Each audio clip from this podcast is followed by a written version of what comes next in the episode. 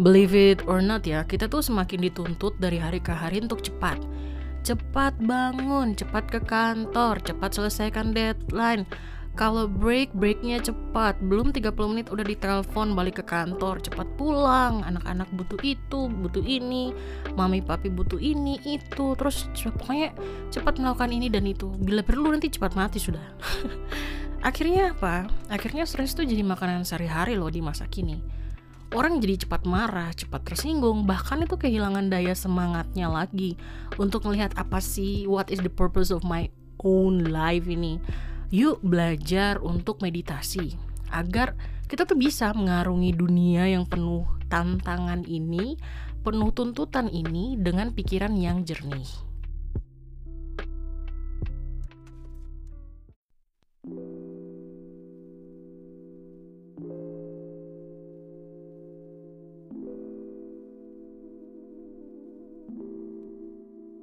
Selamat datang buat para pendengar setiap podcast kita bersama Cerita Seru Jenny Garai Akhirnya episode baru kembali lagi nih Kali ini temanya tuh meditate Atau dia punya bahasa Indonesia tuh meditasi tapi sebelumnya teman-teman Jenny Kara itu mau ngingetin buat teman-teman jangan lupa dukung podcast ini caranya tuh gampang dan gratis. Jangan lupa follow dan favoritkan podcast ini bila teman-teman menikmatinya melalui Spotify atau Anchor. Jangan lupa subscribe dan beri review bintang 5 untuk teman-teman yang menggunakan Apple Podcast. Oh iya, Jenny Karai juga punya channel podcast lain loh, namanya Bisikan dari Timur. Teman-teman itu bisa nikmati puisi yang disuarakan melalui podcast ini. Bisa teman-teman dengarkan juga di Spotify, Apple Podcast, Google Podcast, dan Anchor. Kita masuk aja ya di tema kita yang hari ini yaitu tentang meditate. Kenapa sih Jenny Karai pengen banget nih bagi tentang meditasi ini ke teman-teman. Sebenarnya kalau kita bicara meditasi pasti banyak yang pikiran tuh kayak macam wih zing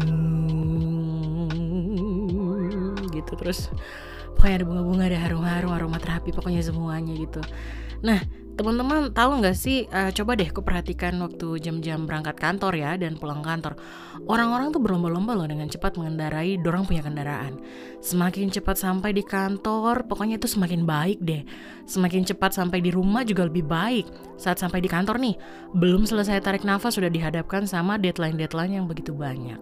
Waktu jam istirahat tiba, kita tuh ingin secepatnya keluar sejenak dari kantor kan kita hanya ingin istirahat nih atau mungkin makan dengan tenang. Kadang tuh bos atau teman kantor itu terus-menerus menghubungi agar kita tuh cepat kembali ke kantor. Bayangin, kalau kau punya jam break tuh 30 menit atau satu jam, belum sampai satu jam atau 30 menit itu kau sudah dapat telepon untuk kembali ke kantor. Eh, uh, jengkelin, Cin. terus mm, kok tidak bisa nikmati kau punya makanan apalagi macam bayangkan di depan kau tuh ada nasi, kangkung bunga pepaya dan ikan saus dan tidak bisa nikmati dengan tenang karena harus ladeni chat yang dari mungkin kau punya pasangan kau punya pacar kau punya apa itu ke suami ke istri kak kok mama papa om tante dorang. Lagi chat dari pagi kak atau telepon-telepon yang miss call. Kok harus telepon lagi untuk kasih tau eh saya baru break gini gini gini. Belum selesai. Wow udah ditelepon kembali lagi gitu. Terus waktu kembali kerja ya terus kita orang tuh sering memandangi jam dinding di kantor sambil menghitung waktu untuk pulang ke rumah. Kalau jam dia punya arah jarum itu sudah menuju ke jam 5 uh itu tuh berarti waktunya pulang dan kebanyakan dari kita juga buru-buru kan keluar dari kantor menuju mobil udah udah udah pikirnya ah ini harus cepat-cepat nih biar nanti uh, tidak begitu macet waktu balik gitu. Ingin cepat-cepat sampai ke rumah begini dengan maksud kan punya banyak waktu tuh untuk istirahat. Eh ternyata kejebak macet di jalan. Apalagi kalau macet sama hujan sama badai. Wuh rempong kan. Terus buat yang kuliah atau sekolah juga tidak jauh beda ya kerja PR sampai dini hari, sudah dibangunin pagi-pagi buta buat siap ke sekolah sama orang tua. Kalau kau tidak bangun, hmm, kau tahu tuh mama mau timur. Kalau kau dapat rotan, kau dapat air berkat satu ember. Hmm, dapat mau kok. Karena saya juga kayak gitu dulu. Apalagi kalau jarak sekolahnya tuh jauh dari rumah.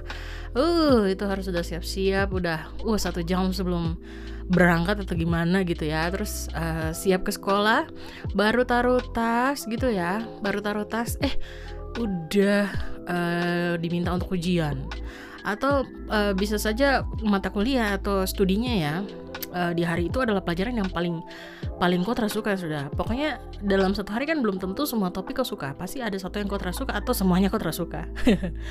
Terus pulang sudah capek dengan setumpuk PR masih harus dihadapi dengan omelan keluarga mama papa kah atau om tante kah.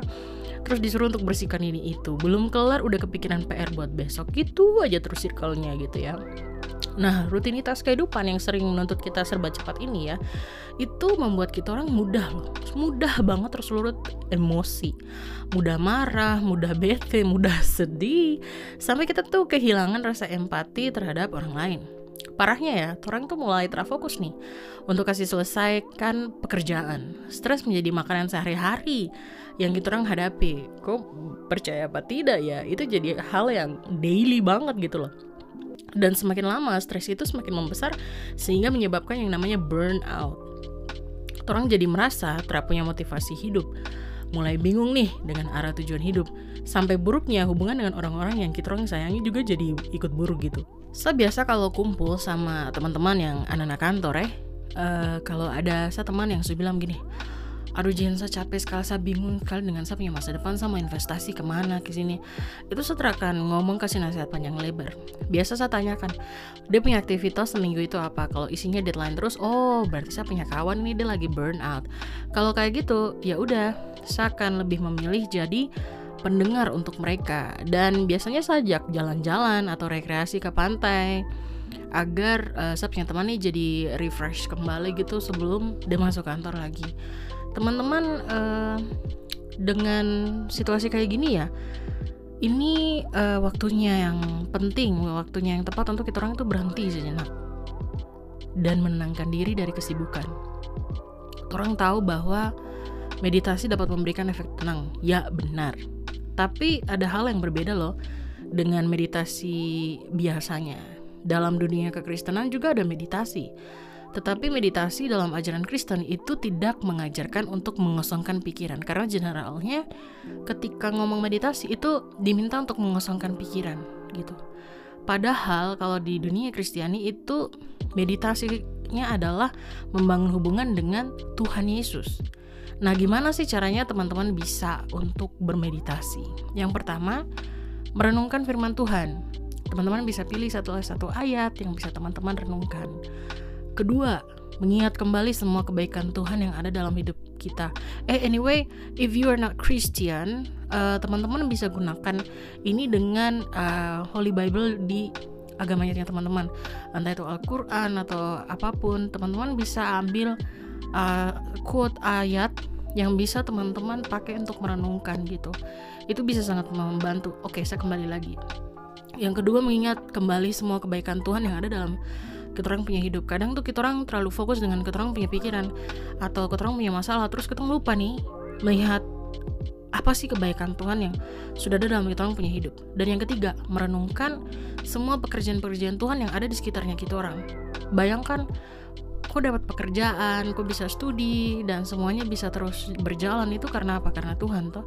Itu salah satu cara bagaimana kita merenungkan semua pekerjaan-pekerjaan Tuhan yang ada di sekitarnya kita orang. Yang keempat, mengucap syukur atas pemberian berkat dari Tuhan.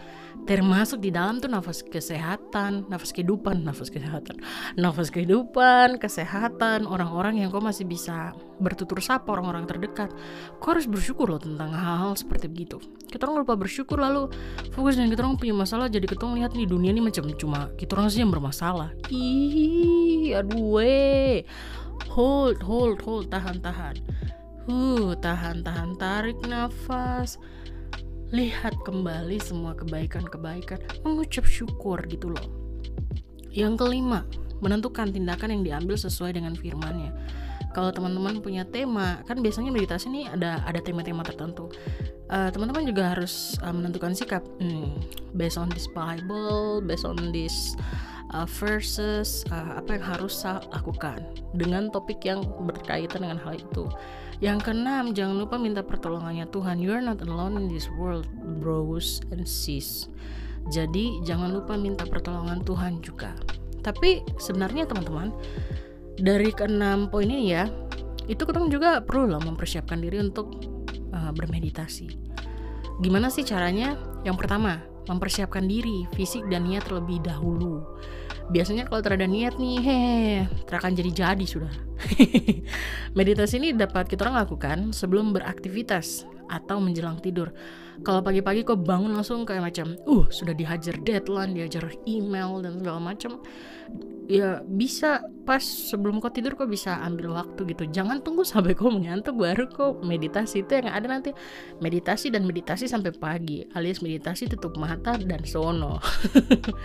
Terus bisa melakukan ya, meditasi ini ya itu di tempat yang tenang atau di kamar usahakan postur tubuh tuh ketemu punya postur tubuh tuh relax. Dan pilih aplikasi meditasi Kristen di handphone masing-masing. Contoh kalau yang teman-teman Kristen itu ada Abide Christian Meditation atau dia punya nama tuh Sleep. Itu bagus banget. Atau teman-teman juga yang lain itu bisa pakai yang namanya aku lupa tuh namanya apa sih uh, Calm CALM, calm itu juga bisa gitu. Jangan lupa untuk tidak makan sebelum meditasi karena setahu tuh makan sebelum meditasi itu nanti jadinya mengantuk dan kota tidur yang kayak saya bilang tadi. Hmm, meditasi dan langsung sono sampai pagi. Yang kedua pilih tema meditasi apa yang akan kau lakukan.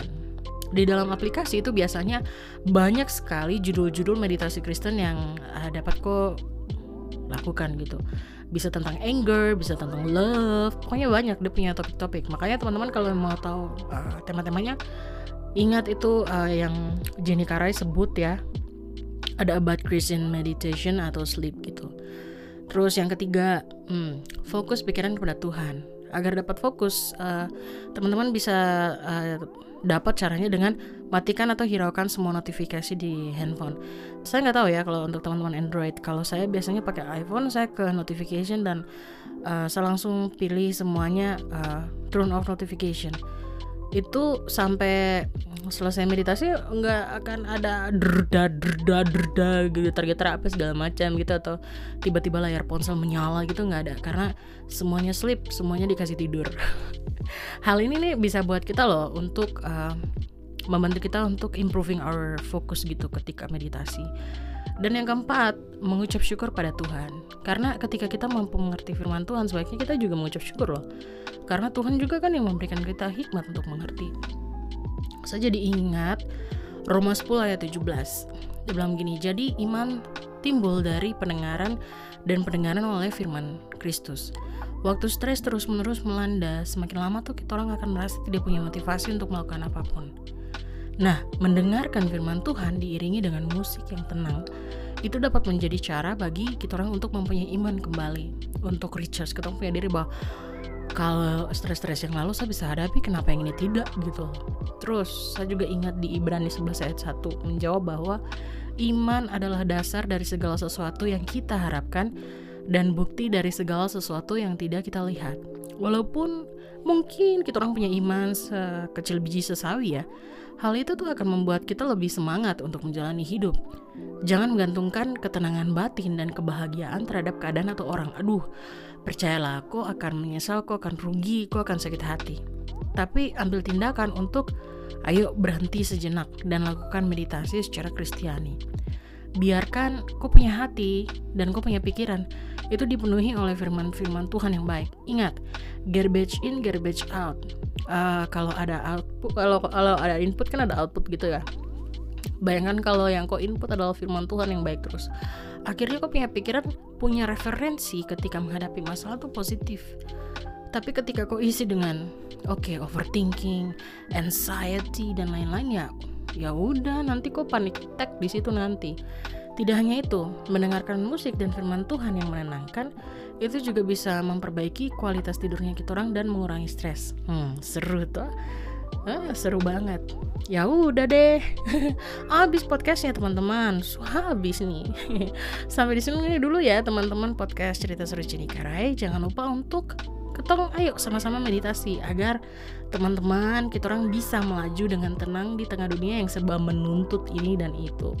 Terima kasih teman-teman yang sudah mendengarkan podcast ini. Sampai ketemu lagi di podcast selanjutnya. Di mana pun kamu orang berada, tetap jaga diri, jaga jarak, dan terus produktif. Dadah.